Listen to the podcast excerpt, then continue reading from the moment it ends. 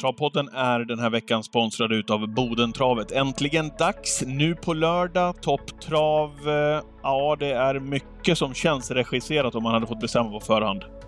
Ja, så är det ju. Och när man kör kvällstrav som det här är, det är en kvällsomgång, så är det ju tacksamt om det är bra väder. För det blir lite svalare på kvällen även om solen är uppe. Och ja, det är ju årtiondets väderprognos vi har framför oss när det gäller om man gillar värme och, och så vidare. Det ser ju väldigt lovande ut inför helgen.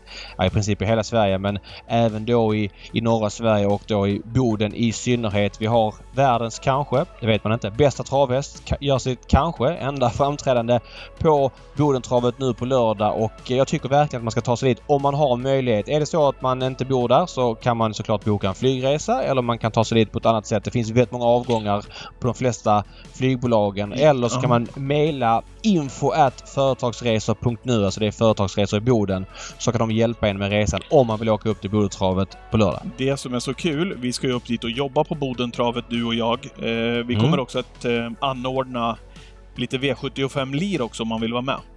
Ja, alltså vi har ju då vårt vanliga med, med Spela lekkontoret men vi gör en special den här veckan. Vi spelar alltså med Bodentravet på deras andelsspel. Man söker alltså på bodentravet på ATG.se. Där kommer vi göra eh, andelsspel och där går ju varenda krona tillbaks till travsporten. Alltså eh, i form av provision och sånt till Bodentravet om man vill stötta den grejen. Så det kommer vi göra både du och jag. Sen vill jag säga det, jag vill ge en eloge till Bodentravet. Ofta är det så här att man ska ladda ner biljetter och det är Tixter och så vidare. På Bodentravet på lördag kan man swisha entrén bara.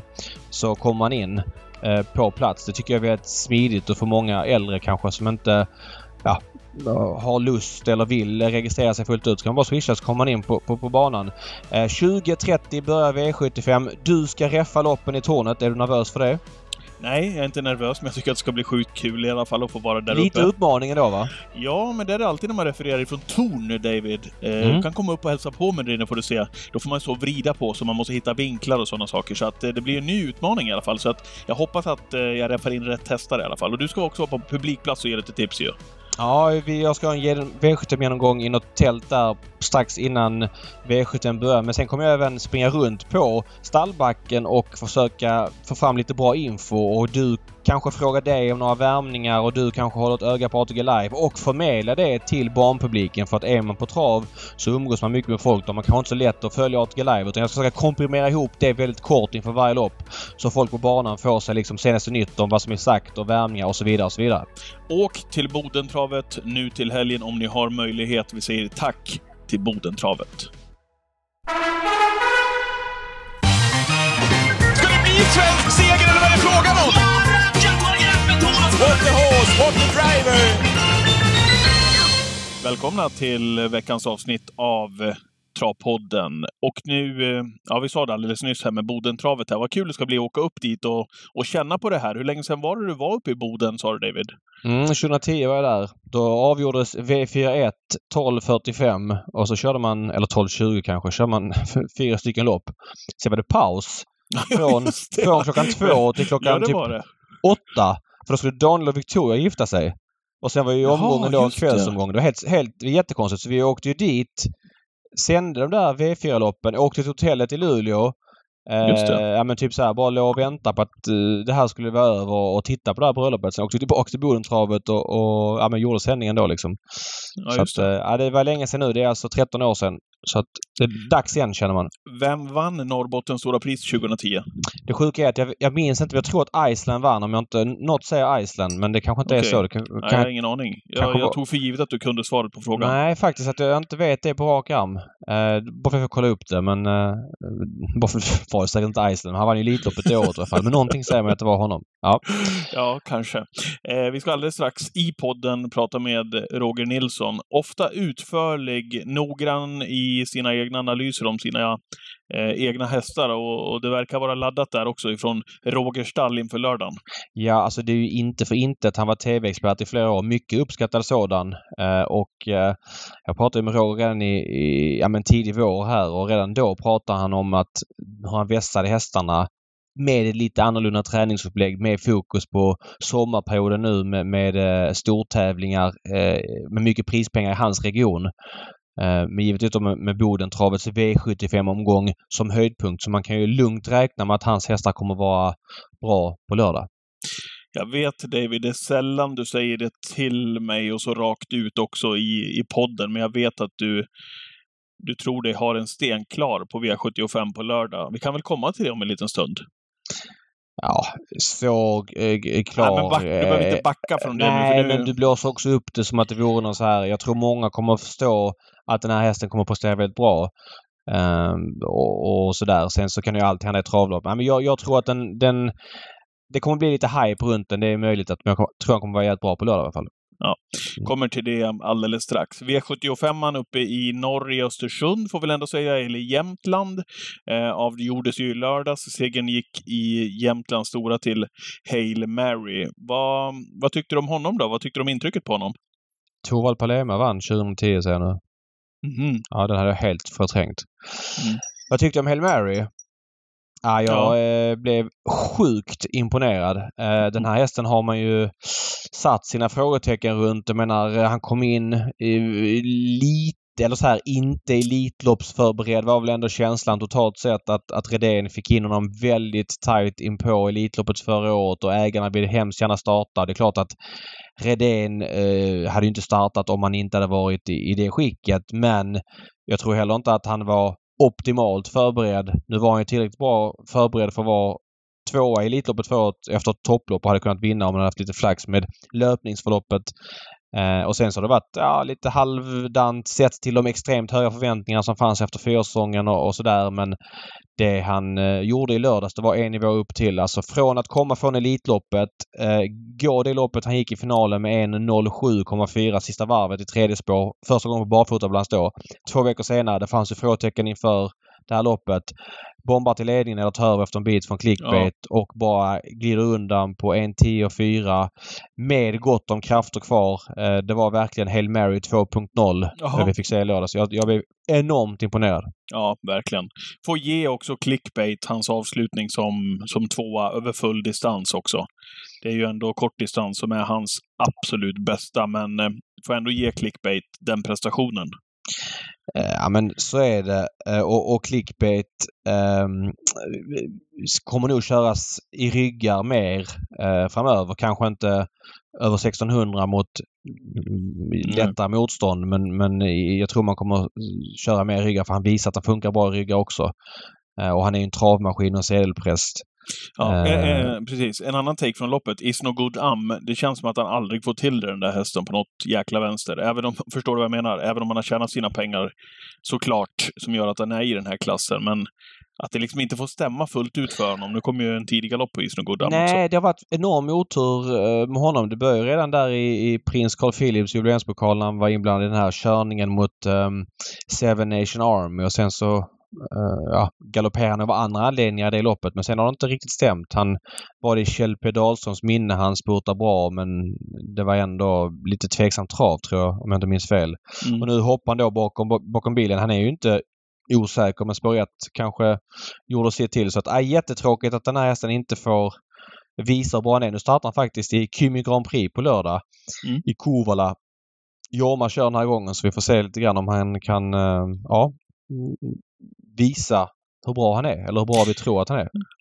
kommer här om en liten stund när vi går igenom V75 man hade vi tänkt att göra här tillsammans med Roger också. Då kommer vi också till Just Believe som startar nu i Norrbottens eh, stora här uppe på, på, på lördag på Boden. Eh, en kortis bara innan jag pratar mer om Just Believe. Jäklar vad han gick till slut. Ja, enormt befriande att han fick vara bra och det var väl det mest glädjande på hela dagen får man säga. Uh, nej, jag är jätteglad att han som långväga gäst har betalat mycket för sin resa och pröjsat den själv och allting. Att han fick bara vara en höjdare. Jag tror att alla traventusiaster blev väldigt glada över det. Mm. Eh, någonting annat om V75 innan vi går in på, på veckans eh, gäst. Apropå veckans gäst då. Eh, per Lindroth var ju det förra veckan. Han fick med sig V75-seger också. Det blev seger med Young Mistress eh, innan det var klart. Som serverades ett perfekt lopp av Niklas Hammarström. Och sedan så var segern ett faktum när, när hon väl fick chansen att spurta. Ja men det är ju otroligt vad poddgästerna har levererat i form av vinnare eh, det sista året här alltså. Jag menar Per Linderoth hade inga chanser alls i princip. Vi låg ju väldigt lågt. Nej, det är klart att 2 Young Mistress skulle vinna. I övrigt, ja men Wäjersten tog sin obligatoriska seger. Nu blir det en dubbelseger för honom i, i V75 1. Ja, och kanske till och med att det var så att King, även om Lindy Musclemania var bra, att det var Kingslayer Pellini som var den som imponerade mest kanske. Ja, första bike och första BG. Mm. Eh, sen kul att Fredrik B Larsson får vinna på V75. Eh, Mm. Jag gillar det. Han tränar och kör själv. Har gjort ett Ja. bra jobb med Portofino. Hail Mary då som vi pratar om. Enorm. Ska bli mycket spännande att se hur Redén matchar nu framöver.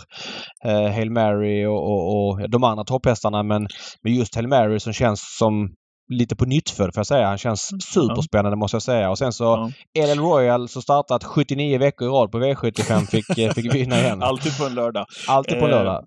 Eh, inte lika kul för V75-kupongerna, åtminstone inte mina på spel och lekkontoret, när Ulf Olsson nosade dit Rosborken mot Ramstabalder. Eh, då dog V75-omgången för mig rent spelmässigt. Han var eh, sjunde häst för mig. Eh, Rosbocken hade sex hästar på många system så det var också ganska kallt även om jag överlevde på någon lapp. Men eh, han har enorm tur som vinner. Det är galopper och gör att han kan zigzacka sig fram och hinna dit på linjen. Men det är en del av travloppen. Mindre, häst, mindre spelade hästar behöver ofta tur för att vinna och nu hade han det och, och vann. Och vi var inne på att favoriten där, eh, Stjärnblomster, var helt iskall. Det var nog många andra spelare också för hon trendade väldigt mycket neråt på, på V75-spelet. Men jag var totalt iskall. Jag gick väldigt mycket på Cabaret Artist i öppna V75 4. Behövde ta ställning där kände jag. Sen brände ju de facto igen som jättefavorit. Han har gjort Ja. det två veckor i rad. Eh, vi pratade lite grann om det i streamen liksom att man köpte ändå Magnus A. Djurses anledning till den eh, lite märkligare travet i svängarna på, på Sundbyholm. Eh, och man kunde nog ana att han skulle vara bra den här gången och visst. Det fick ett tufft lopp ska sägas och sådär. Så han, han så är här David, han kommer inte stå i ursäktad. 1,70 nästa gång han startar på V75. han har nog gjort sitt som 50 plus procentare på tag på Exakt. V75. Det får vi nog vara eniga om. Så är det. Nu in på veckans gäst. Eller ska vi ta Oslo Grand Prix först, en snabbis? Ja, men vi kan väl göra det. Det här loppet som jag skällde lite på eh, förra veckan Ja, men, i... men var det inte ändå med all rätt att du gjorde det nu med facit Jo, i hand också? så var det. Och hela tävlingsdagen hade ju ganska klent internationellt eller internationell representant eller representation ska upplaga, jag säga. helt enkelt. Ja, det var en sådär upplaga men eh, alltså det går inte. Ingen skugga ska falla över Hades Duvandell. Det är ju en absolut elithäst. Jag menar, hur många är bättre än honom i Sverige över full distans? Ja, det kanske är Hail Mary och Francesco Zet och, och, och Sam Auteur och någon till. Men det, där uppe är han och jag vill se Hades Duvandell i alla möjliga storlopp framöver. Eh, Mm. jag vill gärna se han i Åberg. Så det kul att se hur han är på 1600. Ehm, och sådär. Så att i den här formen i varje fall. Nej, superprestation av honom där bakom. Oskar L.A. gick väldigt bra eh, i debutloppet mot den äldre eliten. Ja, debutloppet, han hoppar ju i ett, eh, vad var det, ett kvar, eller han när var han hopp, Vilken då? Oskar L.A. Han hoppade i ett kval till Paralympiatravet, så var det. Sen var var han två lite billiga lopp efter det precis. Och nu så kom han ut mot de allra bästa för första gången då. Man bortser från det där kvalet han galopperar och, och han gick väldigt bra. Moni Viking, ja han är där han ska vara kanske som tioåring. Inte riktigt lika bra som tidigare men gjorde ändå ett fullt godkänt lopp om man lägger in det i aspekten. Mm. I övrigt Banderas B avslutar bra. Sen är det säkert Ja. någon har missat men det är det mina fragment är från loppet. Ja. Samma här. Eh, I övrigt den omgången bara, eh, för vi ska komma in på det nu. Alessandro Gocciadoro vann ju med Clarissa som jag fått se i Sverige här vid några tillfällen. Hon vann på 10 blankt eh, i sitt lopp. Eh, där verkade inte, när man såg den prestationen i alla fall, att eh, gul pilotsform har gått över. Men vi har ju diskuterat det här lite grann, du och jag, att liksom prestationerna har varit väldigt mycket mer upp och ner här på sistone. Mm. Ja, men om du har sett i lördagen på Östersund. Dr. Gio var ju... Ja, men han var klart bra får man säga. Han gick ändå med skor fram och sådär. Eh, men, men klart bra som trea bakom VSNs hästar. Eh, sen var ju den här Bon Joviet, den var ju totalt iskall och där messade jag med Emil Persson efteråt som har bra kontakt med Gocciadoro och den går ner till Italien för den duger inte eh, i sin nuvarande klass här i Sverige. Så den får vi tyvärr, eller ja, den får vi inte se längre här. Eh, och sen hade han ju Always Ake i um, Jämta såg, pris. såg väldigt och, och, märklig ut. Ja, alltså som sagt värmningar ska man ofta ta med en nypa salt. Men här var det ju en värmning som verkligen stack ut negativt och kändes också, eller galoppen i loppet var inte oväntat och han galopperade två gånger och kändes allmänt oharmonisk och då kändes det där, ja men Gocciadoros hästar svaga den här dagen. Sen studsade de tillbaks och Clarissa är väldigt bra på på söndagen även här Banderas Bi. Men känslan totalt sett tycker jag det är att det skiljer lite mer mellan Gocciadors bästa hästar och de som är sämst. Vart lägger du in Eh. Expo Wise då, när du är inne på det? Eh, som vann eh, E3-kvalet här. Ja, det var ju E3-kval igår på Färjestad och eh, Expo Wise Ass gjorde en Going Kronos. Det vill säga vinna på 1.12,2 på Färjestad. Det gjorde ju Going Kronos för 17 år sedan när han då vann den långa E3-finalen eh, på ja, ett av de mest minnesvärda loppen för mig någonsin i, i svensk travsport. Mm. Nu gjorde ju Expo Wise Ass samma sak. Eh, i, dock i försöket. Det ser ut att vara något alldeles extra. Gocciador sa ju efteråt att det var den bästa hästen han någonsin tränat. Sen la väl till lite grann att i varje fall den bästa treåringen. Men eh, det ska bli skitkul att se den här finalen för att även om han var eh, enormt bra eh, och såklart med all rätt blir favorit så kommer han stöta på bra hästar i finalen. Eh, framförallt Reo Liljendals hästar, eller framförallt Reo Liljendals häst Epsom Ja, As. kan vi säga att det Eh, bara häst- Epsom Ass vann då till, till den öppna klassen och så fick han ju också med Iteria som vann Ja, men Epsom As eh, vann på 12 och 7 och där ser det ut att finnas hur mycket kvar som helst. Nu vet vi att Reos hästar är ofta tidiga på säsongen och, och, och eh, ja, den här gick ju med jänkarvagn har inte gått barfota ännu men eh, jag tror att den hästen kommer vara väldigt bra nästa lördag också så det är inte så att Expo Wise Ass bara kommer jogga runt honom. Även om jag tror att han, han vinner så ska det bli skitkul att se den här duellen och det finns även flera andra bra hästar som, som gjorde bra igår. Så att, ja, jag, jag, ser verkligen fram emot den här travdagen på, på Bergsåker också om två och en halv vecka för det är faktiskt midsommar och Kalmar däremellan. Är det inte 1,20 på att han joggar hem det? Han kommer säkert stå i det. Men jag tror inte det kommer ha något värde i honom i alla fall. Så är det ju. Nej. Utan han kommer nog vara kraftigt överspelad hur du än vrider och vänder på det. Sen ska vi säga det att han vann ju med Speria Font också. Gocciadoro. Så att, ja, jag tycker det är större skillnad mellan de som funkar och de som inte funkar.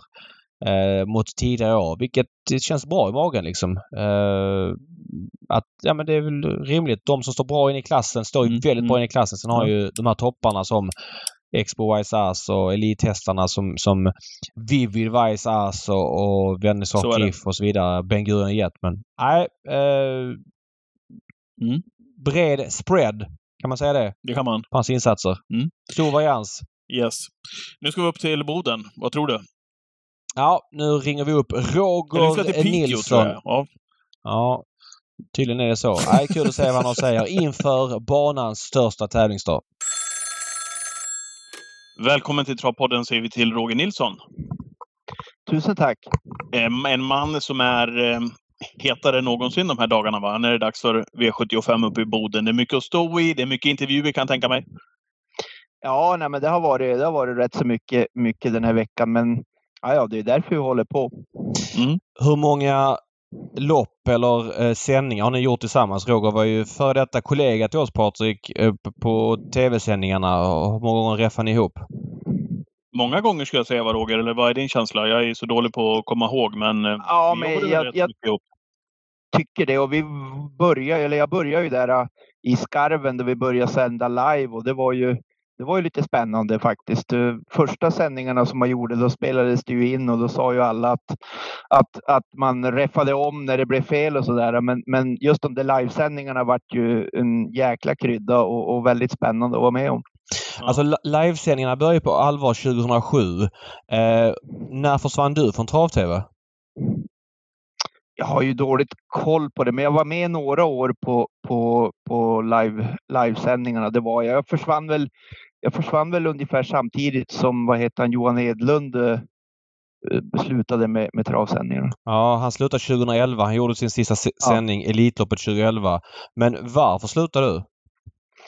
Ja, men det var väl lite grann det där att jag, jag tror att det blev någonting att OTV, OTV tappade väl kontraktet. Så det, det var väl i den vevan det var. Sen så kände jag att jag att, att eh, rollen som expertkommentator blev mer och mera Eh, att man skulle vara spelexpert och jag, jag är jättedålig på spel. Jag har aldrig varit intresserad av spel och jag är, jag är intresserad av sporten. Jag är ingen spelare och det, det kändes ganska, ganska skönt att, att, att eh, slippa den biten.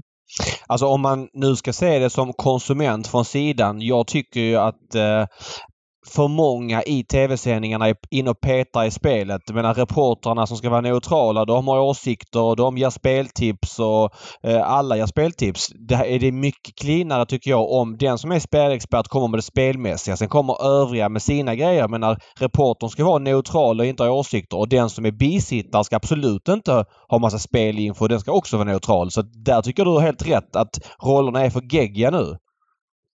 Ja, men också sen lite grann när man känner att man ska prata om någonting som man, som man inte har koll på då, då, och så ska jag sitta där som expert och det, det känns, nej, jag, jag tycker, jag, det kändes som att det varit lite jobbigt. Fattar, fattar. Ja, ja. Det var, det var ett, Patrik, är du kvar eller har du gått och lagt dig? Nej, nej, jag sitter och lyssnar med eh, stort intresse. Eh, hur är eh, vädret uppe i Boden? Hur, eh, hur är dagarna? Ja, nu, i Boden vet jag inte riktigt. De kan ha sämre, men i Piteå är det magiskt väder så att eh, vi har fantastiskt bra väder. Det är 20 grader varmt fortfarande och solen den har inte tänkt att gå ner så det är inte ett moln på himlen och kanonväder. Det här hur, jag... lång, hur, långt har du upp till, hur långt upp har du till eh, Boden? Sju mil har jag till Ja, Boden. det, det, det är bara sju mil. Ja. Och vad har du till Skellefteå? Eh, nio mil till Skellefteå. Okej, är det givet att du skulle vara Bodentränare eller är det för att det är lite närmre? Nej, men jag tror att första gången jag sökte så sökte jag som Skellefteåtränare. Eh, Det, det var första, första gången jag sökte licens, men eh, då var det ju varit en olycka där eh, Rolf Sundling förolyckades och Christer Nilsson och Stig Borvall skadade sig. Så att det vart ett vakuum på tränare i Boden så att jag, jag fick en ny chans att söka om för jag, jag vart inte antagen första året jag sökte i Skellefteå. Jaha, okej. Så att okej. där, därför blev det Boden. Okej, och så pass. Ja, Jag, jag trodde faktiskt du bodde i Boden, men det gör du alltså inte? Du bor i Piteå? Ja, ja, ja. Ja, okej. Absolut. Ja, ja, det var som FAN. Du, eh, du har 24 hästar på din träningslista. Jag har ju följt din verksamhet i extremt många år som jag har jobbat med dig och känner dig på det sättet. Eh, Det är ju ett antal du har legat på väldigt länge och det är där du vill ligga. Ja, men det, det är väl där som, som, jag, som, jag, som jag hanterar. Jag har ju valt att driva det utan någon anställd, utan jag har ju driv, drivit det inom familjen mera. Jag har ju min farsa som är 78 år som har hjälpt mig under många år nu och, och vi, vi, vi kämpar på. Och så har jag min sambo Anita Ademalm som eh, hon har lite andra jobb, men, men eh, hon, hon är också jätteintresserad och, och, och kör så hårt hon kan på, på, på övrig tid. Va? Så att, eh, det är väl, det, det är väl eh, ett, ett bra antal för mig tycker jag. Eh, har du plats för fler eller har du bara valt vid att liksom ha runt 2024? Ja, men jag har ju, jag, har ju, jag brukar säga som Jan-Olof Persson, jag har ju blå hallen. Mm. Jag har ju alla mina hästar ute så att eh, för bra hästar finns det alltid plats. Det, så, så är det ju. Och, och, och, eh, och, och annat så gör jag plats, men, men eh, antalet är nog ungefär vad, jag ska ha. Okej, du har alltså alla hästar på utedrift året om? Ja, har haft så i sex, sju, åtta år tillbaka. Varför har du det? Eh, jag, jag provade, jag hade hästarna ute väldigt mycket och eh, jag såg ju att ju längre jag hade dem ute ju, ju bättre mådde de. Det, det blev mindre och mindre problem med dem och de höll sig friskare. Och, så jag bestämde mig att, att bygga om allting och jag gjorde så att eh, alla hagar har ett eget hus med uppvärmt vatten i. Hagarna är 10 meter breda, 200 meter långa.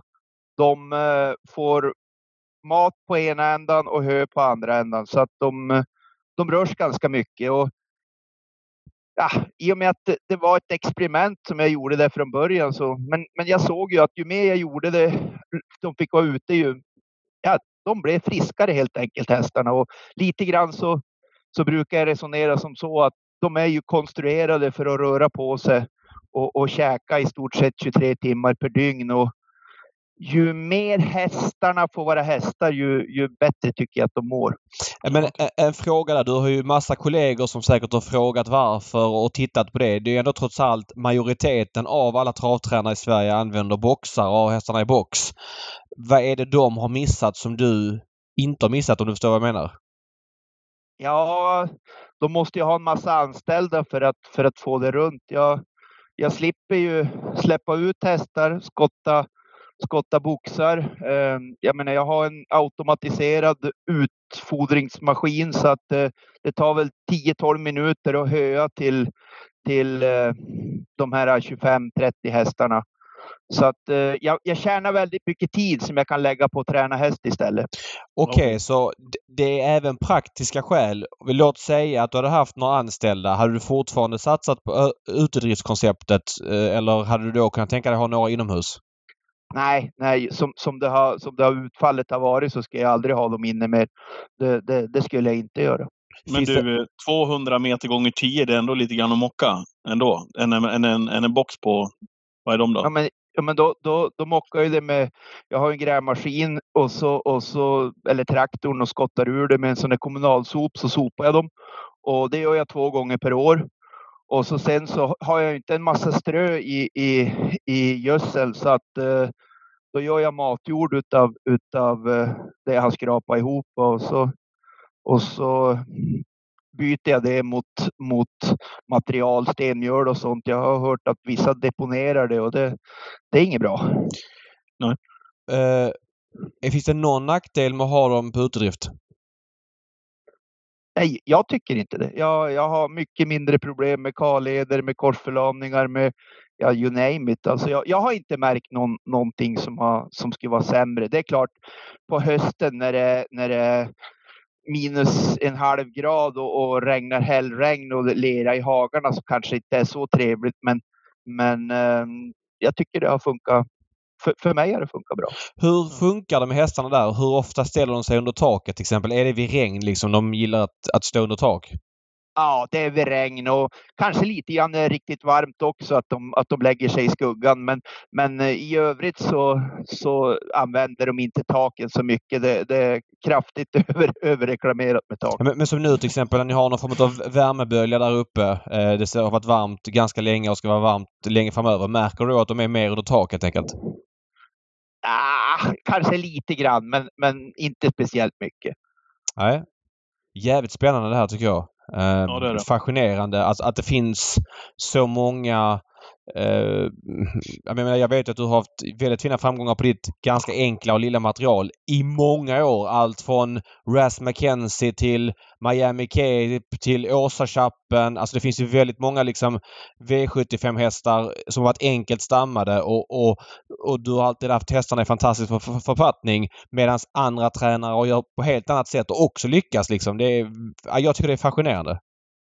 Ja, men så är det ju. Det, det, det, handlar ju lite grann om lite grann om tur också det här att när man provar någonting så, så ofta så är det ju så att går det bra så vågar man ju lita på, på det man provar. Alltså det, och jag har väl haft tur att, att det, jag fick ett bra utfall när jag började ha dem ute och det, det spelar ju in att man spar, att, att, att det blir en tidsvinst och att man ser fördelarna och så sen så märker man fasen också, de mår ju mycket bättre.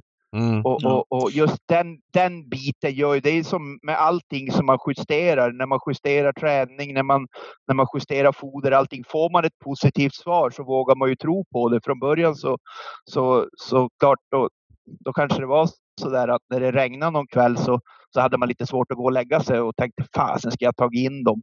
Mm. Men, men eh, jag vet att det funkar och, och ja, det, det, det, det, har blivit en sån där grej som, som eh, jag, jag, jag, brukar känna det. Människor som gör någonting dåligt, då blåser vi in på två gånger två meter. Hästar som vi ger alla förutsättningar, de blåser vi, som är konstruerade för att röra på sig hela tiden, blåser vi också in på två gånger två meter.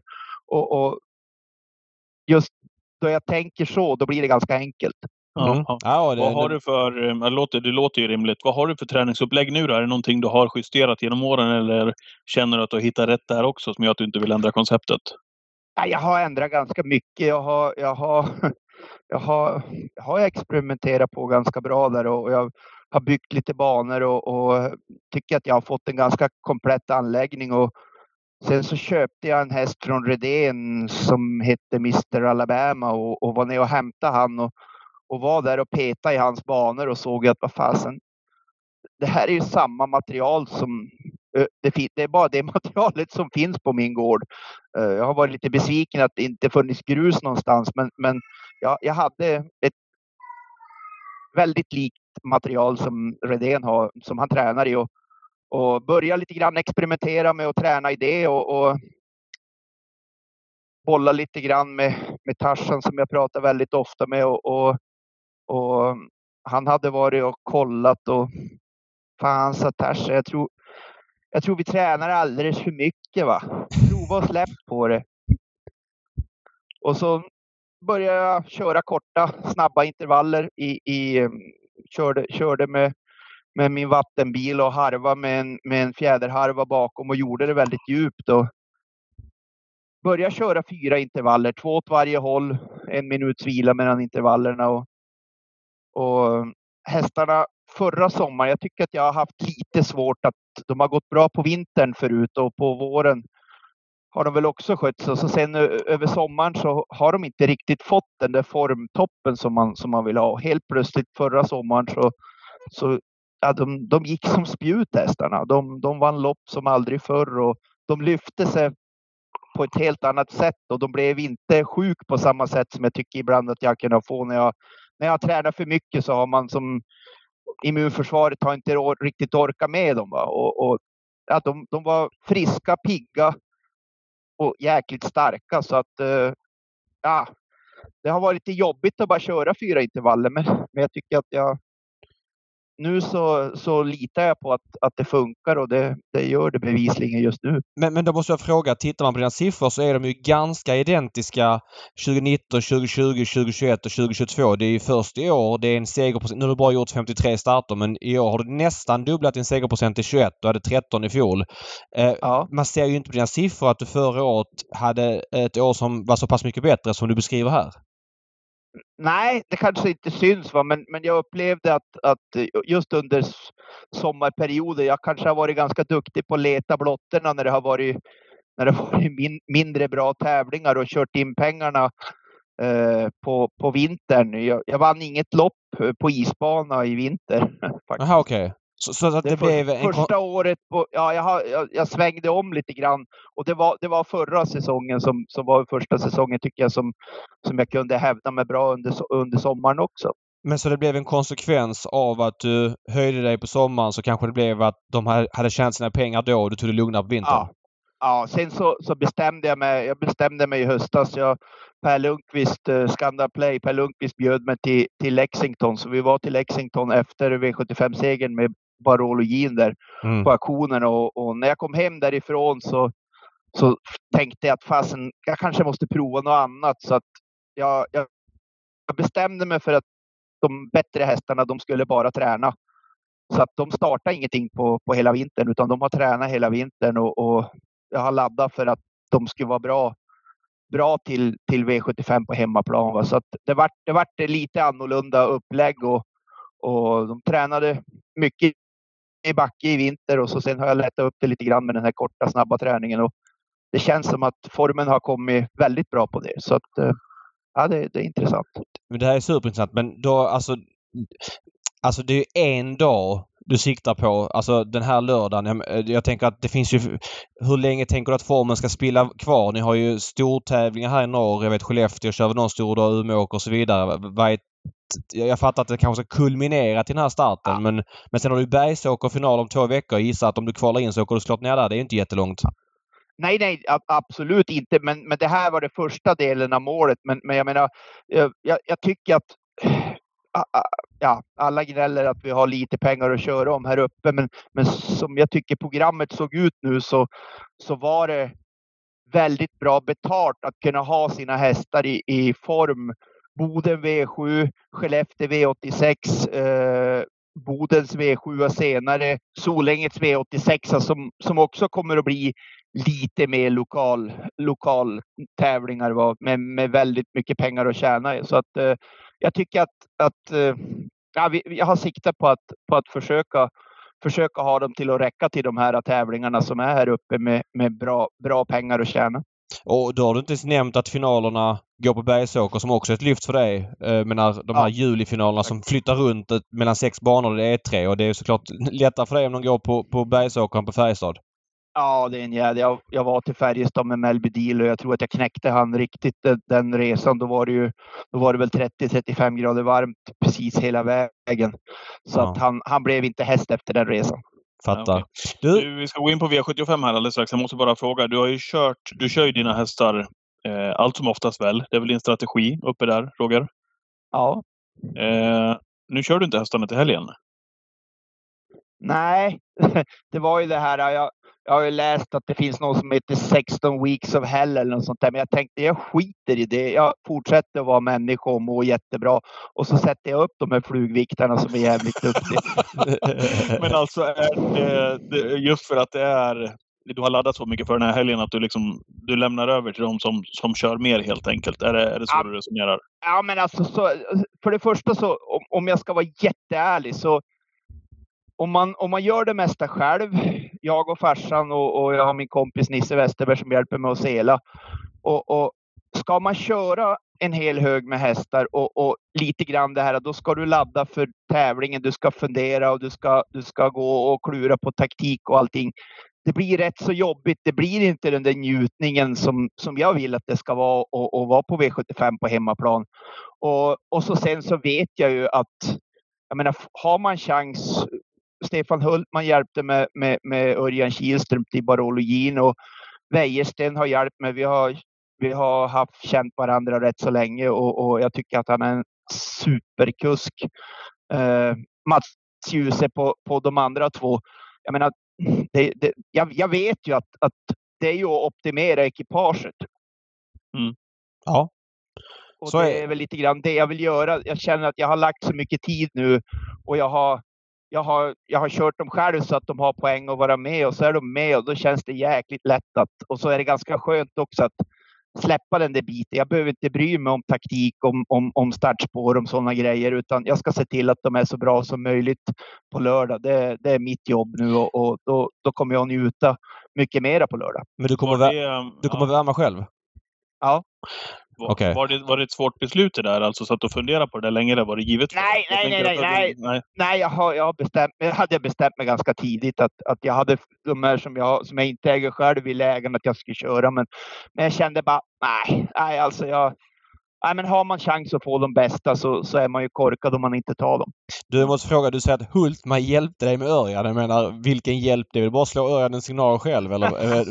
Lite- Jo, men, men, men Hultman är ju, han, han, han är ju delaktig i, i, och del, lite delägare i Barolo. Så, Ja. så att jag menar, han, han, hade, han, han hade faktiskt fixat så att han skulle köra han i finalerna på Valla eh, där vi kvalade in i höstas. Men, men då vart han ju sjuk. Va? Så att, nej, då, det, det, det, han hade kanske kört ändå.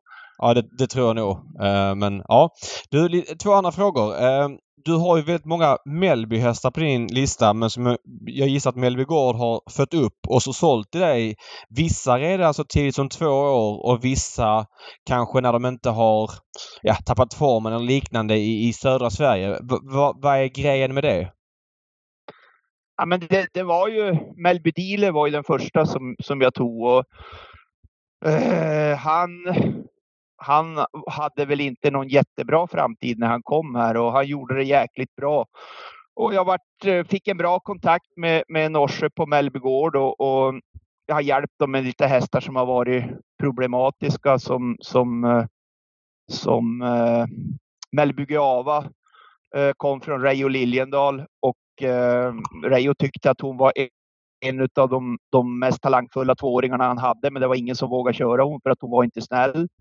Och, och eh, eh, sen så har jag väl haft några till åt dem. Jag har en i träning nu åt Mellby Gård som heter Mellby Lumumba. Så har jag väl haft chansen att, att, att ta de här som inte har, ja, som har varit skadade och som, som har haft lite problem och, och försökt att hitta enklare motstånd, lite annorlunda träningssätt och, och träna dem på min filosofi. Och, och det har väl slagit ganska bra ut tycker jag. Ja. Du har ju, du äger ju en, två, tre, fyra, fem Mellby-hästar nu. Ja. Och det är hästar du köpte dem helt enkelt? Ja. Ehm, en fråga där. För visst var det så att Mellby Dealer var efter Gon Kronos? Ja. Och Gon Kronos var ju stekhet i aveln i början med tanke på att det han presterade på banan. Sen så ebbade det lite grann när det inte kom några riktiga stjärnor. Han har haft väldigt fina hästar. Dante Bocco Ja. 10 miljoner. Spoilmy som är svensk rekordhållare över, för treåringar som vann Oaks på 11,5 och sådär. Så det finns bra hästar men han kanske inte levde upp till förväntningarna. Men jag vet att du eh, efter det var väl lite mer intresserad av Going Kronos avkommor än övriga. Eh, Eller har jag fel? Nej, men du har helt rätt. Jag tyckte Going Kronos-ston, de, de, man kunde få superfina ston för 100 000 som skulle ha kostat 300 400 000 om, man har, om de har varit efter någonting annat. Och jag, jag tycker Going Kronos, man var tvungen att träna dem lite försiktigt. De behövde ett annat upplägg, ett lite annat upplägg när man startade dem. Att man, man kanske inte skulle vara så offensiv utan, utan låta dem komma lite grann. Men, men jag tycker det var en väldigt underskattad hingst, eller äh, ja, som, som en avelshingst. Kanske inte världens tidigaste hästar, men, men eh, de, de, de levererar om man, om man tränar dem med lite, lite insida. Ja, och menar han är väl i högsta grad eh, verksam i aveln fortsatt. Jag menar hans avkommor borde väl vara ännu billigare nu. Jag vet inte hur många avkommor han har längre men, men nog borde det Han komma har några. han, ja, men han har haft problem med fertiliteten Ah, på okej. slutet, så han har fått väldigt lite. Va? Men, men min Abristyr köpte jag på auktion, eh, på kriterieauktion och Tarzan hjälpte mig att, att välja ut och han rankade henne som nummer två på kriterieauktion och, och jag kunde köpa henne för 100 000 för att det var efter Going Kronos. Vad heter den sa du? Abre? Abrys, Abrystyr. Styr, ja. Abrystyr. Va- va- va- Eh, Den är kvar på din lista? Kronos där. Eh, han har 327 eh, färdigregistrerade svenskfödda avkommor i alla fall. Ja. Just nu. Mm. Men Abrustyr, vad vad hände med henne? Jag har inte dålig koll på henne. Hon tjänar väl 800 000, vann två V75. Två V75-lopp. Eh, sen fick hon en, en gaffelbandsskada, så hon, eh, hon har en ettårig hingst efter From Above och nu är hon dräktig med Nuncio. Okej, Okej. där Mm. hittade jag henne. Abrustyr. Fan, jag har Mm. bommat den helt. Den går helt under radarn för mig. Nej, Jag kommer ihåg när hon slog Ava. Eh, Hanna Olofssons häst. Ja, det är inte så länge sedan det här ju. För då trodde vann- vi på Ava. Ja, så vann hon veckan efteråt på Bergsåker för Magnus Djuse. Ja. Jag känner att jag har en lucka på Du Abrustyr. brukar inte ha luckor. Nej, men här har jag en enorm det, lucka. är för nära i tiden. Det är för nära i Ett, ett tiden. Going Kronos-stor som har tjänat nästan 800 000 borde jag ändå ha koll på som Roger har tränat. Det måste jag säga. Jag har en kraftig Ja. lucka. Jag får skylla på det. Jävlar vilken lucka jag har. Ja, ja. Ja men kul, kul spaning. Eh, Finns det några, kvar- fanns det några på några auktionerna i år eller hur ser det ut med Going? Du sa dålig fertilitet men några poppar väl ut, eller? Jag har inte sett, jag, jag har inte koll på det om jag ska vara Nej. riktigt ärlig. Jag, nej, jag, har- jag har inte haft, inget span haft på dem. Nej, jag fattar. Jag fattar. Ja, ja. ja kul sidostory. Eh, ska vi prata lite V7-hästar? Eh, Ja. Eller ska vi prata omgången i sig kanske Patrik? Vad säger du? Ska vi ta eh, lopp för lopp med Roger? Han har ändå, det är ju ganska mycket lokala hästar eh, och sådär eh, som, Ja. som han kanske har instick med. Vi behöver inte ta det så djupgående men vi kan ta det lite löst bara. Ja, absolut. Och så tar vi lite extra genomgång på Rogers hästar som startar här nu då. Ja, Det jag ska väl- säga det. vettigt. Jag, jag är väldigt förtjust i att det är 14 lopp den här lördagen. Många tycker att det blir maffigt och, och för långt men när man ligger där Boden ligger och har en dag på året som sticker ut då tycker jag det är härligt att man bränner på och att det är annorlunda mot en vanlig V75-dag. Dels att det startar 20.30, det är ju en grej som är speciell. Men även att det är V4, sen två lopp emellan, sen V7, sen ett evakueringslopp. Det känns bara på någon vänster som en travorgie. Mm. Ja, Ja, men det håller jag med fullständigt om. ja, ja, det är bra. Du känns tveksamma där först. men bra Ja, exakt. Jag är tveksam. Det det var tystnad efter du sa det, men vi håller med båda två. Eh, vi ska Okej. säga det att Roger har fem hästar till start på eh, lördag. Vi kan väl ta den som är utanför V7. Vi behöver inte prata om loppen utanför så mycket men du har ju en i eh, lopp fyra som Daniel Wäjersten kör som heter Maroon 5. Eh, kan du säga någonting om den? Ja, det är eh, min gamla stjärna Ras Mackenzie, är morbror till honom. Och Okej. eh, den här köpte jag av Bosse Falsig förra hösten och det är en rätt så fin häst faktiskt. Han, han har haft lite problem med, med sjukdomar när han kom och, och var inte riktigt färdig men han har mycket, mycket i sig och eh, ja, jag tror han kommer att göra ett bra lopp nu. Han eh, har mött den där Jamie Ceesay som är stor favorit två gånger och fått torsk två gånger. Men från det här läget så tror jag att han eh, är närmare den här gången. Okej, okay, mycket intressant. Uh, det har ju inte kommit något spel så det är svårt att veta hur han blir värderad av spelarna men den får vi hålla koll på uh, i, i spårtrappan alltså. Lopp 4 nummer 2, Maroon 5. Uh, vi går över till V75 då. Du har hästar till start i V72, två hästar. Och sen har du även två hästar i V74 så du är ganska, ganska koncentrerat där du har mest att göra. Men vi kan ta det från början då. V71 mm. Patrik. Mm. Favorit ja. blir två Global Dash. Har du någon take här? Ja, men jag har väl en take på den som känns som att det kanske blir lite skrikhäst eh, den här omgången. Eh, I'll find my way home. Eh, om han landar, nu kommer inte han landa på de här procenten, men jag tror att han har en, eller tror, jag tycker att han har en vettig uppgift här faktiskt. Global Dash är ju bra, men mm. känns som att han är väl, blir väldigt klar favorit. Nu har han ju läget det där, men jag har, jag har feeling för att I find my way home kommer att göra ett bra lopp. Mm. Vad säger du Roger?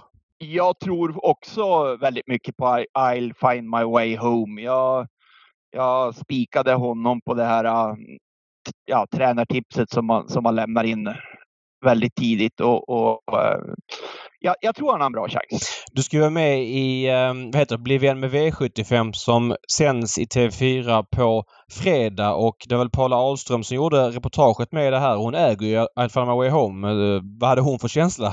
Mm, fött upp också. Fött upp också ja. Ja men de, de är väldigt de är väldigt påställda tycker jag. Sen så vill inte Per, per kanske prata om det så mycket, men uh, han har tränat väldigt bra har jag fått rapporter om. Till och med riktigt bra. Ja, och läser man på Redéns hemsida stalset.se så börjar han med att skriva att han är kraftigt på gång. Man får inte stirra sig blind på hans rad och så vidare och så vidare. Så att eh, nej, de är klart uppåt på I'll find my way home. Eh, Global Dash som var enorm senast måste jag säga. Han, han slog ju ändå Smile Silvio som fick ett bra lopp den dagen och så vidare. Men det är en, en månads eh, vila eller uppehåll eller vad man säger och eh, han är ny i klassen. Han kommer ju lite underifrån så att eh, mm. ja, också lite känsla för att eh, mm, han, han, kan kanske bli lite överspelad. Marlon Bocco var ju jättebra på ny balans i lördags. Jag tror att han kommer göra ett bra lopp igen. Uh, Uffe kör den här gången. Mm, per körde bra i, i, i lördags men, men uh, Marlon Bocco till låg procent. Sen köper jag också I Find My Way Home. Som är väldigt speciell ska man veta. Han är ju ja, knepig. Precis. Kan man, kan man hålla honom i handen helt och hållet nu för tiden eller vad säger ni? Nej det kan man inte göra men det får ju vara inbakat i procenten också att han är väldigt speciell. Så det är ju en del av att spela på trav liksom. Ja. Att, att, ta in det i helheten. Ja. Uh, sen kan, man, kan man tro en vissa av de här speciella hästarna de kan faktiskt må bra av en långresa. Att eh, alla säger att det är dåligt med långresor, men vissa av de här hästarna som, som har lite hyss och fasoner, att de, de, de, eh, de kan de kan värma ur lite grann på resan tycker jag. Mm. Faktiskt. Så, att, så att är det så att de tar resan på bra sätt så kan det nästan bli positivt på sådana här som har lite hyss för sig och, och kanske lite överskottsenergi. Jag måste fråga dig en sak där. Du sa att den här Melby Dealer fixade inte en resa till Färjestad. Det var väldigt varmt då. Eh, det kommer vara varmt på lördag också och Redén mm. åker ju 90 mil med fyra av sina hästar var Francesco Zeta en av dem. Men mm. Eh, nu gissar jag kanske att det var en annan, annan buss du hade på den tiden och så vidare eller eller... Ja, jag, jag, jag sträckkörde, vi hade, jag, hade, jag sträckkörde ju ner alltså och, och det, det, det, är ju det här med värmen som är, det, den, den, är inget bra när man ska resa. Det, Men borde inte Redéns bussar ha väl eh, grejer som löser det? För man tycker det är ju rätt spesade grejer. Det är ju inte någon... Ja, ja. Är, är det roligt att Bengan inte har? Nej, jag tänker på hela, alla hästarna som ska med upp. Det är ju Francesco ja, framförallt. Ja. ja. Nej, men, men, men så är det. Men, men oavsett så är värmen det, det, den största boven. Alltså själva resan är absolut inga problem, men, men just värmen är, är lite förrädisk. Ja. Eh, I V75 2 så är det ett lopp som heter Boden! utropstecken. Det här var väl ett så kallat fyllnadslopp som man kunde plocka in om något lopp var kallt. Och jag läste idag att man hade sagt att kallblodsloppet som var tilltänkt på V75 var lite ihåligt. Så det här loppet ligger på V7 och som om av en händelse har hemmatränaren Roger Nilsson två hästar till start. Det var väl inte helt fy att det här kom in på kupongen väl? Nej, det var, det var lite roligt faktiskt för att jag, jag hade tänkt anmäla barologin till eh, klass 1 men eh, jag fick lite kalla fötter. Jag tyckte att det var lite hårt att gå ut mot hästar som har högst 500 och stå lika start när man kunde stå ganska bra inne på, på pengarna och, och voltstart. Och det här loppet har ju haft en liten tradition att inte bli så väldigt hårt de föregående åren. Jag, jag vann loppet förra året med Nikita Sunrise och hon kom med på 300 poäng. Så att det, det var väl lite grann en sån där taktik. taktik. Eh, nu, nu blev det några riktigt bra hästar så att det, det kanske vart fel, men, men um, ja, jag, jag är väldigt nöjd att de kom in på bången. Ja, eh, ja det, och, och du har ju både Melby Illusion alltså och Barolo Jean här, både hästarna 4 och 5. David, du smsade mig häromdagen Eh, vem av er, ställer jag frågan, är det som tycker att Barolo Gini är helt klar? Ja, men jag får säga så här, jag får börja med varför jag skriver det. Först och främst innan vi kommer till den frågan. Eh, den här hästen tränas av Stefan Hultman eh, i Peter G Normans stall. Det var innan Stefan blev sjuk. Då hade han ett par hästar hos Peter G Norman eller de hade dem ihop. Eh, PG tränade med Stefan var där någon gång i veckan och ägde hästar och den här skröts det om väldigt tidigt. Den här hade Stefan kriterieplaner med. Han var enorm i jobben. Eh, PG hyllade också hästen och allting. Vad hände sen eh, Roger? Hur hamnade han hos dig? Eh, ja, men det, det vart väl något grus i maskineriet och hästen hamnade hos Robert Berg. Eh, även den infon jag har fått. Eh, Robert han väl egentligen inte köra igång han, utan de, han försökte väl utreda problemen som, som var med han och man hittade eh, man hittade några problem som var en väldigt dålig prognos på och en lång, lång vila. Det var, det var väl tio månaders vila var väl första, första domen. Va? Och eh, ägarna fick lite kalla fötter och tyckte att det var jättetråkigt och eh, jag fick frågan eh, om, om jag ville vill lisa honom. Av Hultman? Och, ja, av egentligen kanal 70, vad heter han? Jakob Höglund? Uh, ja, nej, Per Tillander? Per Tillander, ja. ja VD på kanal 75. Fick, ja. ja. om, jag fick, om, jag ville, om jag ville lisa honom. Så att jag, jag gjorde det och jag lisade hästen, tävlingsrätten i hästen. Och, eh, och eh, fick upp han och släppte han i hagen. Och jag tyckte han såg så fin ut efter två månader så att jag, jag tog med han till min veterinär i Finland och han, han röntgade hästen och tyckte att eh, skadan hade hade börjat läka så att eh, vi, vi la upp ett träningsschema och jag började träna efter två månader och körde i min, i min backe i tre minuters tempo hela vintern och, och när vi sen började starta han så, så kände jag ju på, jag körde ett, prov, ett 28 provlopp med han i Boden och, och jag sa till Anita när vi kom av banan att fasen, Alltså, jag, jag kör 15 med den här. Då gjorde han ett ruggigt bra kvallopp. Alltså, det var, det var, han gjorde ett kvallopp som sista varvet gick ruskigt, ruskigt bra. Sen så, så drog vi igång och, och han, han vann debuten och sen fick han torsk mot uh, Salmelas Sisu-hästar som startar i något V7-lopp. Juan, Juan Sisu, precis. Ja, fick han stryk av, av den. Uh, och galopperade då ska sägas. Ja, Din i, sista sväng, ja. i sista sväng galopperade han, men han var slagen då när han hoppade. Så att, så att, uh, och sen så, så gjorde han några hyggligt bra prestationer.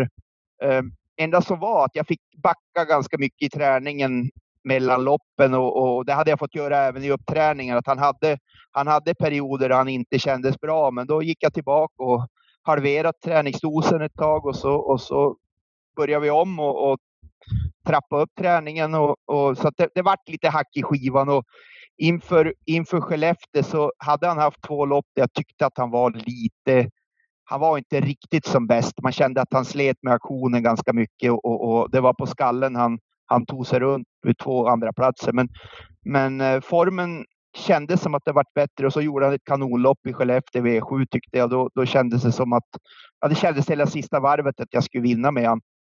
Eh, var sjuk sen starten efteråt eh, och det, det, den starten skulle jag aldrig ha gjort utan jag skulle ha plockat av Så att vi, han fick vila i två månader och så började jag om med honom. Och sen jag började om med honom så, så har jag inte behövt backa någonting utan han har, han har tagit åt sig träningen och inte haft något, något backslag alltså som man känt att man behöver, behöver backa tillbaka. Och, och eh, även, även nu efter loppen så känns han egentligen bara finare och senaste loppet så, så jag har aldrig varit så nöjd med honom någon gång. Fast när jag fick stryk nu så, så, så tyckte jag han kändes magiskt bra. Och gick med full fart över mål och, och fick stryk av en, av en bra häst. Så att, eh, ja, jag, jag var jättenöjd med honom. Och då vill jag föra till protokollet. Juno Beach. Ja. Juno Beach Ja. Och, och då vill jag föra till protokollet att när, när, när du, du var med i podden här ju när eh, Halmstad-fadäsen var med eh, Ja. att ATG låg nere och då frågade jag bara lite kort, hur är det med Barologin? Och du sa då att han tränar jättebra i backen och ni siktar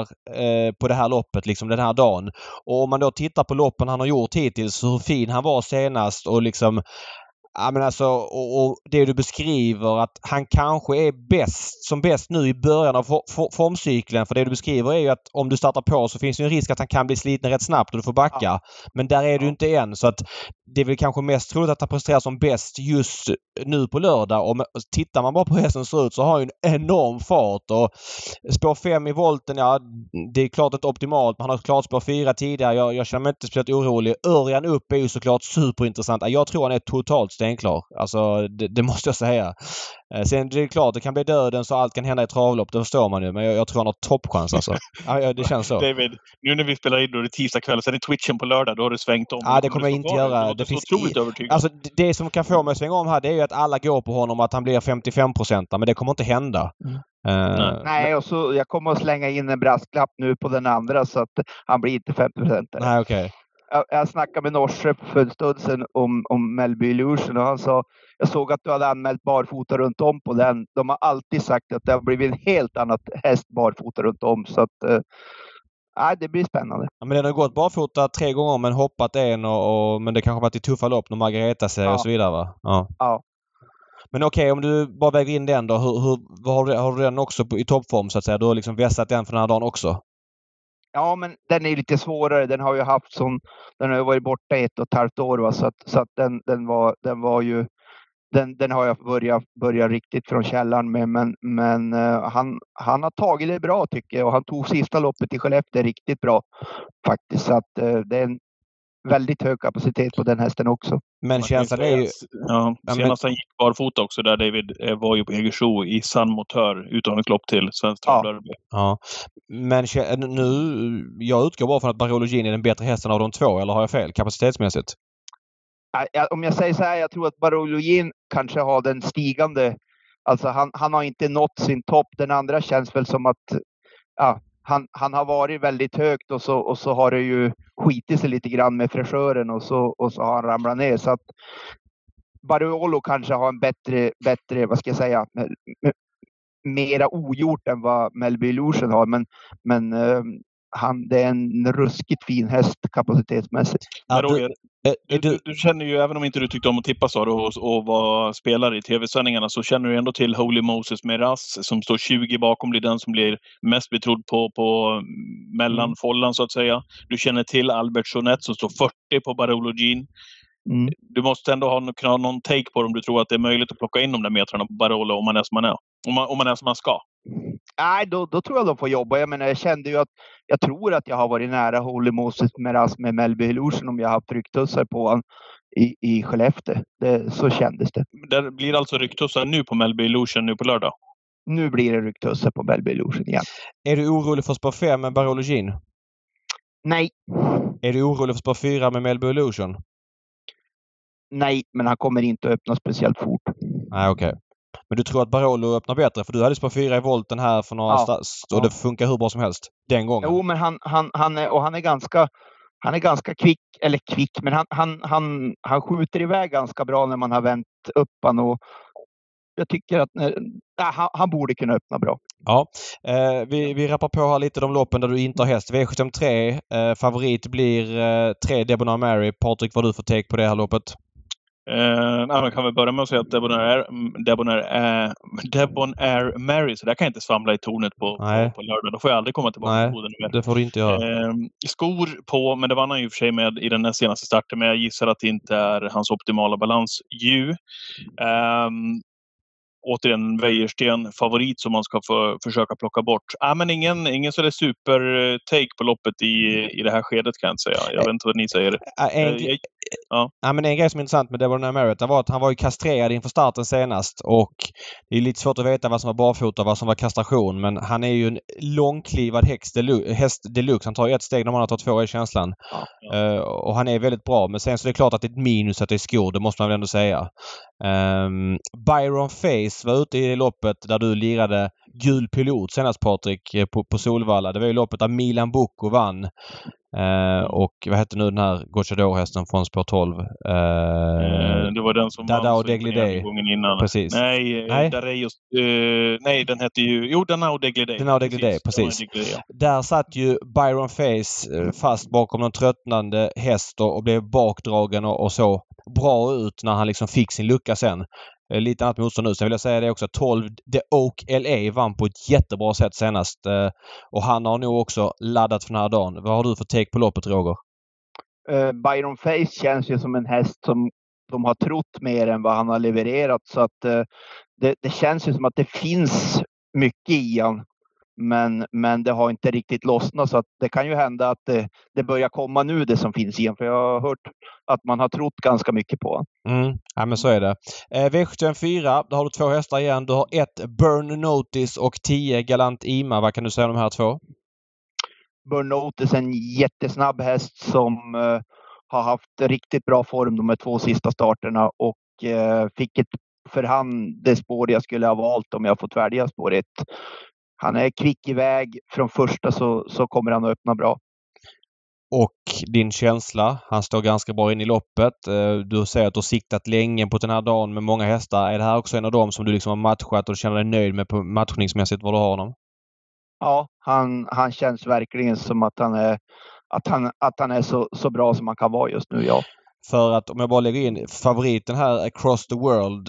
Den vann alltså ett punkt 21-lopp näst senast. Sen stod ni 50 gånger eh, i ett lopp som Madagaskar vann på, på V75, eller utanför V75 Sundbyholm. Visserligen satt han fast med krafter kvar ska sägas men det var inget vidare lopp och där sitter nog alla kvar fast med krafter. Så jag skulle vilja syna honom lite grann om han nu blir favorit. Men du är alltså, du känner dig klart påställd med Burn Notice? Ja men det tycker jag och han eh han är bra från ledningen. Han är väl egentligen ännu bättre tycker jag om han får ett rygglopp. Så att, eh, det, han är, han är väl, väldigt kvick till slut om man, om man får ett rygglopp. Sen så det är klart, ska han få ledningen så vore det ju jättebra. Va? Men, men eh, löser det sig för han så, så är han med och gör upp om det, det tror jag. Jag gillar ju Galantima. Ja. Hur mycket sämre är han då egentligen? Ja, det är ju det jag inte tycker. Jag, jag har jag har ju tyckt att den här jäkeln, alltså den, den, från första gången som, som eller då han debuterade så vart jag överraskad på honom. Och, eh, egentligen så, så gjorde han det väldigt bra förra säsongen. Han, han kom i början på april tror jag och, och hade, hade haft en ganska ordentlig skadehistorik och han kunde två minuter när han kom och, och rulla och for. Och, och när jag debuterade han så, så så känner man att oj, det här är en tävlingshäst, alltså en helt annan häst när han kom ut på banan och fick ett helstängt huvudlag på sig. Och, och eh, jag var supernöjd med, med hans starter under treårssäsongen, men man kände att det fattades att det fattades ganska mycket, men en, en riktigt bra inställning. Och, och, sen så har vi tränat på i vinter och jag var väldigt överraskad att han var så bra i årsdebuten, för då hade han bara gått tre minuter i backen och, och i, inte, inte något snabbjobb överhuvudtaget. Och och ehm, han hade lyft sig ordentligt i den här säsongen. Eh, och, och, och senaste loppet så var jag också jättenöjd med. Då var det lite, lite tokkörning från början och sen fick jag lugna upp det och, och ehm, körde undan i sista sväng. Och han trodde att det var klart och slog av på takten och det kom, Coldfeed kom ganska fort till slut. Men bara han kom på honom så sög han tag igen och jag hade fulla tömmar sista biten. Så att det, den, en, om jag säger Burnotis är en snabbare häst, men jag tror att den här är starkare. Ja. Vem har du mest känsla för de här två i loppet? Jag, jag tycker ja, han har bättre läge, Burnotis, men jag tycker tionde, det behöver inte vara helt fel. Han har en bra, en startsnabb rygg i trean och tvåan har väl ganska hög eh, galopphistorik, mm. så, att, så att det kan lösa sig så att han sitter bra till. Ja. V7... Han är bra, bra på, på så där du kan skicka rakt in i, i gröten och han har inga problem med det. Ja, det är bra. Eh, V75 5, ett lopp i silverdivisionen. Favorit här blir fyra Laredo Bocco som var ute på Solvalla senast under Elitloppshelgen i loppet som Castro Star vann. Vad säger du här Patrik? Um, nej, men jag, kan, jag kan väl börja med att säga att um, jag älskade ju intrycket på Blumen Indal. Nej. men det är ju faktiskt så att det här loppet som han ska ut i nu. Nu blev läget vad det var. Han hade bricka nio på Gävle när han vann. Tycker faktiskt inte helt ärligt att den silverdivisionen höll, höll högsta klass. Det var Global Bookmaker, Borups Tornado, Lövdala Principet och The Bold Eagle som var närmast bakom. Nu är det några med bra eh, bättre läge samtidigt som Blumen Indal har fått det sämre läget. Så att, mm, spännande att se faktiskt. Inte bara att vända ut och in på dem för Gocciadoro, även om man har bästa hästen i Blumen Indal. Nu är det många bra hästar som har bra lägen. Vi har Devils Tang, lär vara i ordning. Eh, det lär man ju ha provat eh, inför den här helgen också. Att ställa honom i ordning. Det är biken på igen på, på Devils Tang. Jag gillar honom. Larero Boko har som sagt läget. Jag har svårt att köpa LA Boko. Tycker att det ofta stimmar mycket mer på honom än vad han presterar. Så fast, fast tvärtom tycker jag i det här läget. Vi har ju varit ganska rätt ute på honom. Daniel har ju sagt i alla intervjuer att han funkar ju inte när han har... Eller funkar inte ska man inte säga, men han är en häst som, som är bäst i den främre träffen. Och han har haft så här eh, spår 6 mot snabba hästar och, och varit ny klassen. Nu har han ändå ja, li, li, lite grann etablerat sig, har ett bra läge ja. eh, och det är jänkarvagn igen. Det var jänkarvagn senast. Han hoppade bakom bilen. Nu vet jag inte varför han hoppade men man fick aldrig syn på jänkarvagnen och, och med det sagt så blir han ju väldigt lite spelad tycker jag till 7 eh, Vad säger du här Roger? Ja, Kon Konrads häst, eh, vad heter han, Laradja Vrajtov. Ja. Jag tycker det känns som att Konrad har vässa sina hästar till tänderna för att, för att sätta skräck i, i, i, i Mälarregionen. Och, och han har ju betydligt kortare resa än vad de, vad de i normala fall skulle ha haft. Så att, eh, den hästen tycker jag, han har kört den bakifrån en gång så att den skulle jag vilja ha med. Mm.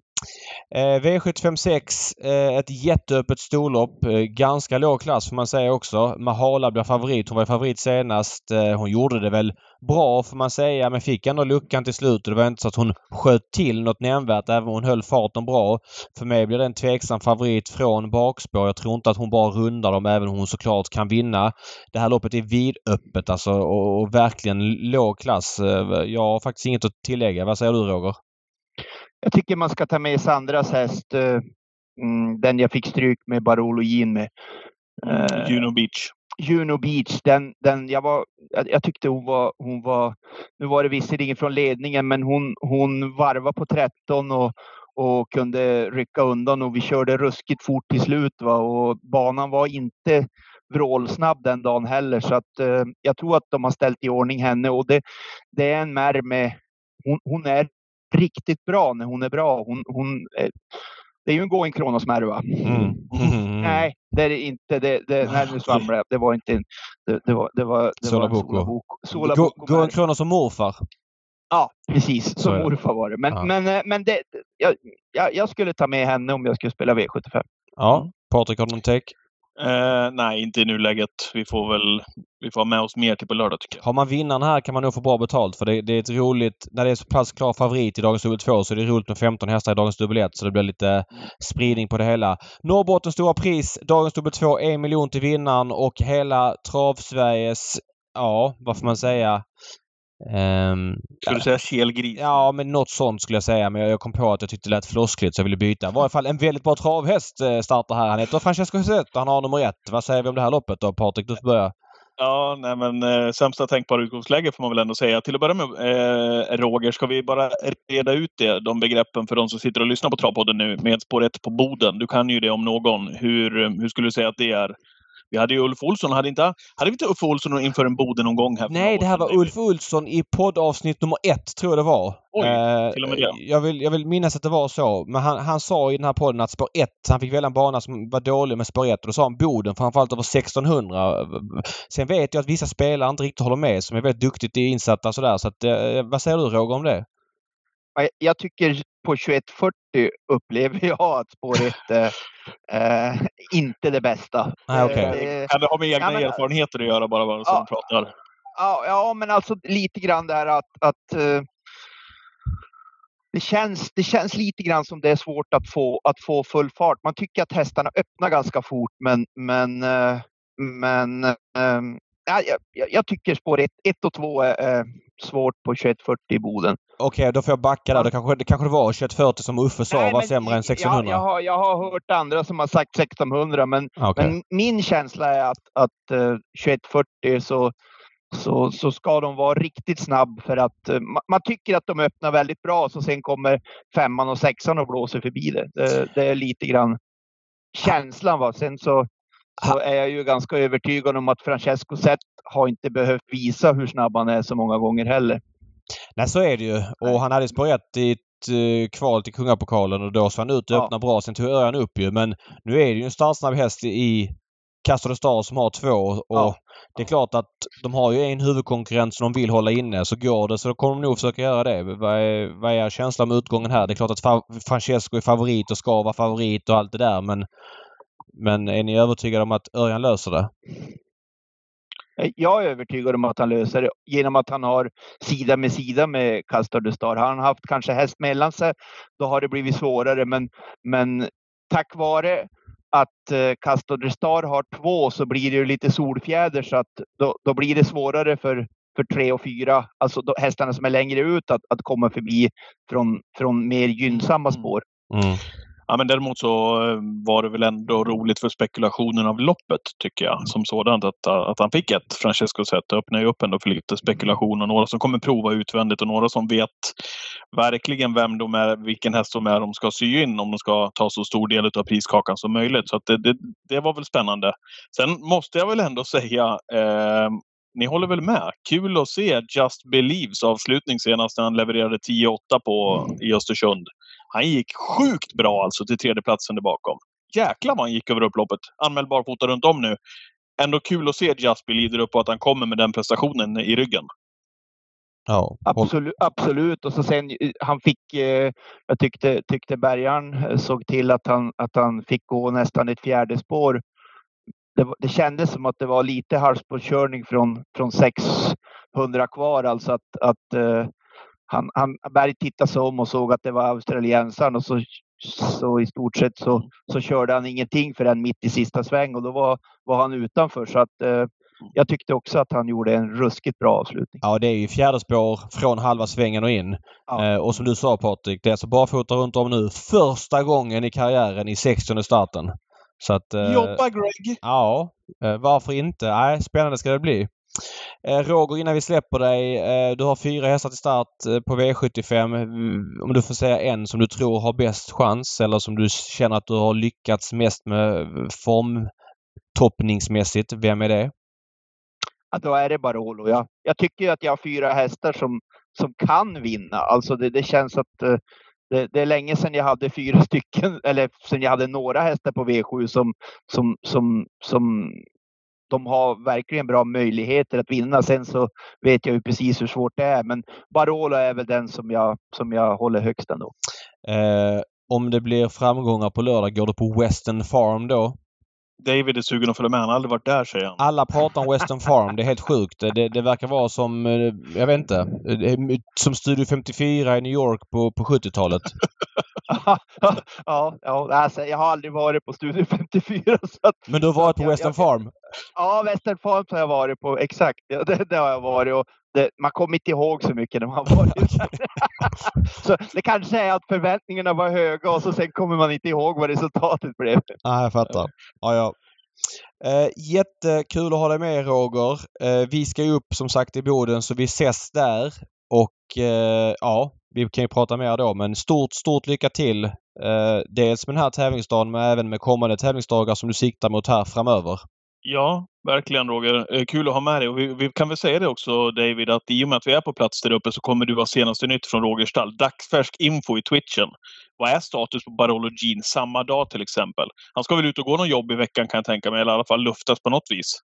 Han har gått idag, precis för en liten stund sedan. Så, så in, in, precis innan sändning gick han sitt sista jobb och det kändes bra. Okej. Okay. Ja. ja. men jättebra Roger. Tack så mycket för att du var med. Vi håller connection och ses på lördag. Ha det gott så hörs Toppen. vi. Tack, tack. tack. Och syns. Hej, hej. Härligt med eh, Roger Nilsson hos oss i Travpodden där alltså. Eh, jag kanske mm, kanske tänkte lite fel där. Vi kör ju Twitchen precis som vanligt vid den här tiden och så är det midnattstrav. Jag tänkte inte på det där. Nej, 13.00 kör vi som vanligt på lördag. Så jag kom, vi kommer inte ha hunnit åka ut i banan och träffat Rogga. Han sitter väl i transporten Nej. från Piteå då. Så att, eh, men vi fick ju det senaste nytt. Han körde jobbet idag.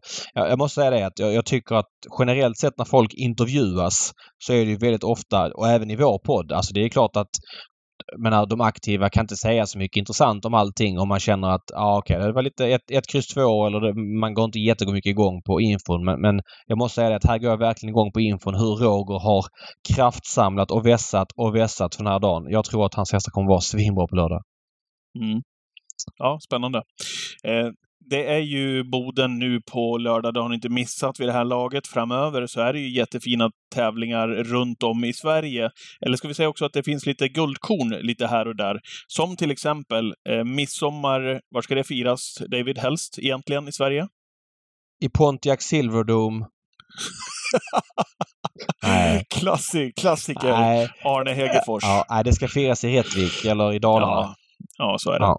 Eh, Rättvik som kör trav den 22 juni. Det är eh, perfekt att inleda då tävlingarna om man har vägarna förbi Dalarna eller ska vara i Dalarna i, och runt Rättvikstrakten och fira midsommar. Så kommer det hända en hel del där på, på Rättvik. Eh, Det är Patrik Fernlund. va? Fernlunds grillning. Ska han grilla nu då äntligen? Ja, precis. Det är ju det. Fernlunds sommarmys Ja. som man eh, kan vara med på. Eh, det kommer vara sommartallrikar. Det kommer att vara ett glas bubbel som man välkomnas av. Eh, på scenen under kvällen så kommer det vara DJ. Flera roliga aktiviteter för barnen. Det är ju barnens högtid det här. Det är hoppborgar, det är ponnyridning. Det är Ja, men det finns hur mycket som helst egentligen. Eh, och eh, travprogram ingår, eh, entré till tävlingarna ingår, sommartallrik. Ja, men det, listan kan göras lång. Och priset för allt detta, David, är 299 kronor. Om man nu eh, vill pipa in på, på Dollartravet Rättvik på torsdagen alltså. Torsdagen den 22 juni. Måste ändå älska sådana här initiativ. Gratis korv till exempel för de allra yngsta. Ja, det, det, finns, det finns många anledningar till att besöka Rättvik under midsommar, men här är ytterligare en alltså. Ja. Fernlunds sommarmys, Rättvik 22 juni. Då vill jag slå en lans för Solvalla den 21 juni, dagen innan. Eh, det ser ut att bli toppväder nästa vecka också. Det är klart att det är lite lättare att gå på trav om man kan stå ute på sommaren. Pre-Readly Express, det här loppet som Francesco Zet vann förra året. Eh, det är en toppendag med eh, Pre Readly Express för fyraåringar. Det är Pre-Diana Zet för de fyraåriga stona. Där vet vi att Joviality ska gå ut. Och flera andra V75-klasser på Solvalla. Det blir som en liksom lite grann sommarens höjdare på Solvalla som annars håller lite lägre profil. Eh, Solvalla kör även den 5 juli. Men kan ni så åk gärna till Solvalla den 21 juni, nästa onsdag, så det är det V86 och inget saxtrams utan det är bara Solvalla som kör då. Då har ni med er det också inför veckans hiss och diss som kommer här.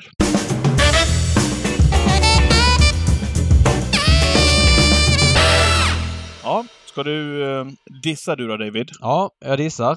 Eh, vi har många jättebra eh, travreferenter, banreferenter runt om i landet. Eh, du är en av dem, Patrik. Eh, Tack.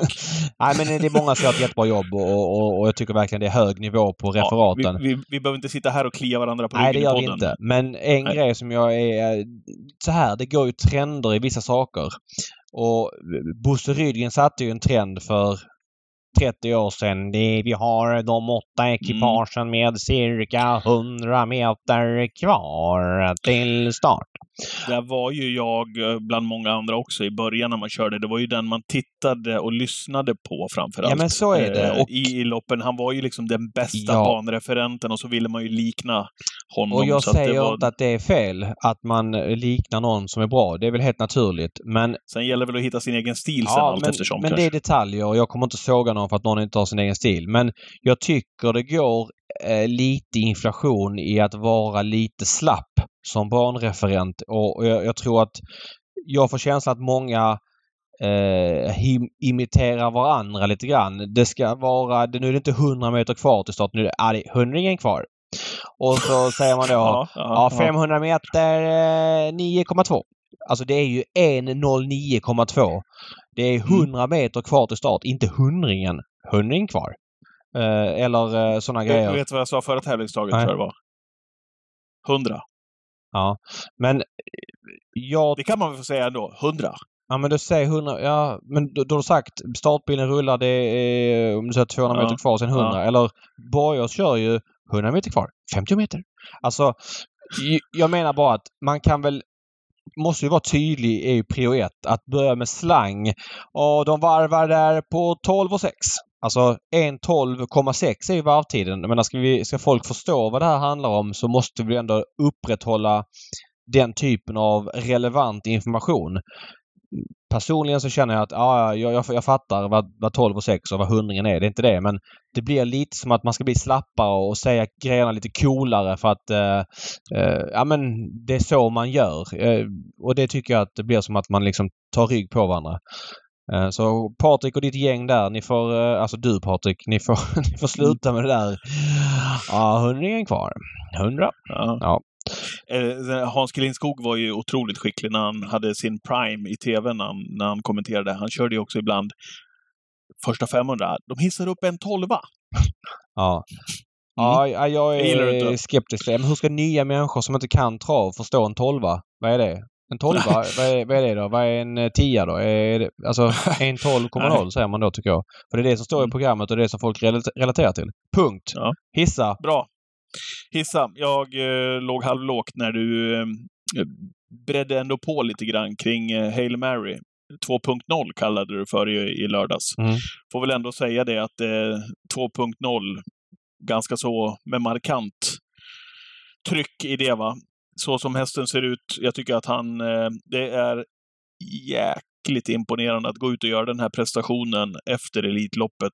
Två genomsusare där han så går 9,5 och 9,8 den helgen I spår och komma ut grejer på det här och körningar. Ja, och allting. precis. Och komma ut på det här sättet. Ja, det är, det är ju 2.0 så du bara skriker om det. Eh, otroligt spännande och eh, följa hans sommar här nu. Och eh, du var inne på det själv nyss. Jag vet inte vem som ska slå han över full väg. Ja, en sann motör kanske.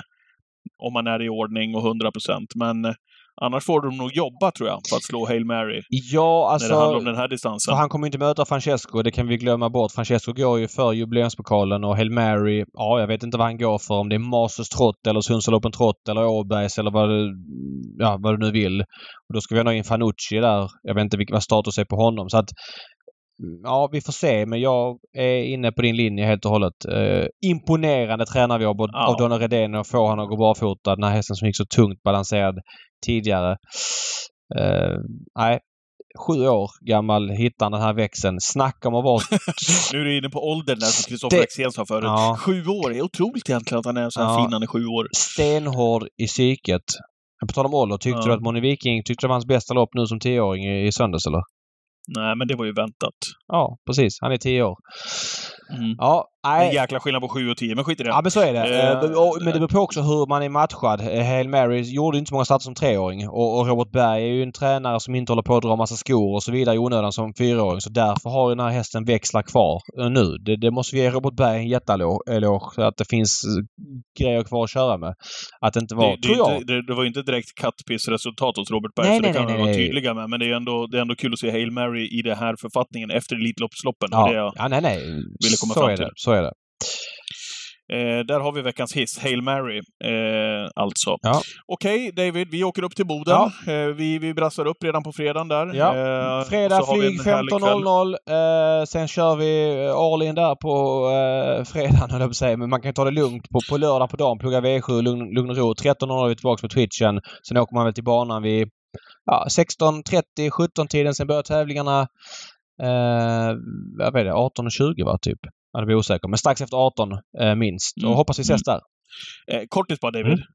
Äntligen ska han ut i den här bängan. Du kan, måste väl kunna ge våra lyssnare i alla fall någon form av teaser och information kring honom. Mm. Han ska ut i ett lopp med fem hästar. Det är väl klart, va?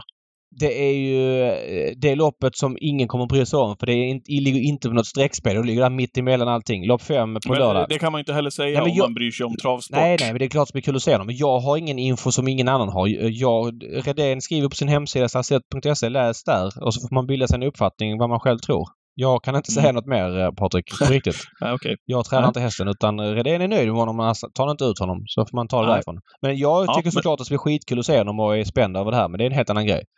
Ja, men då har du i alla fall sagt den informationen att du inte vet så mycket Nej, mer. nej, är och det gör jag inte. Gott så. Och det är gott så. svårt att liksom ta betalt på honom eller emot när det är fem hästar som ställer upp ju. Det är ju Mm. som det är. Men det är ju bra hästar i loppet. Det blev ett matigt avsnitt den här veckan. Ja, så är det ibland. Vi håller connection. Vi ses i Boden till helgen. Och hans hörs nästa Bra. vecka. Hej, hej! Hej.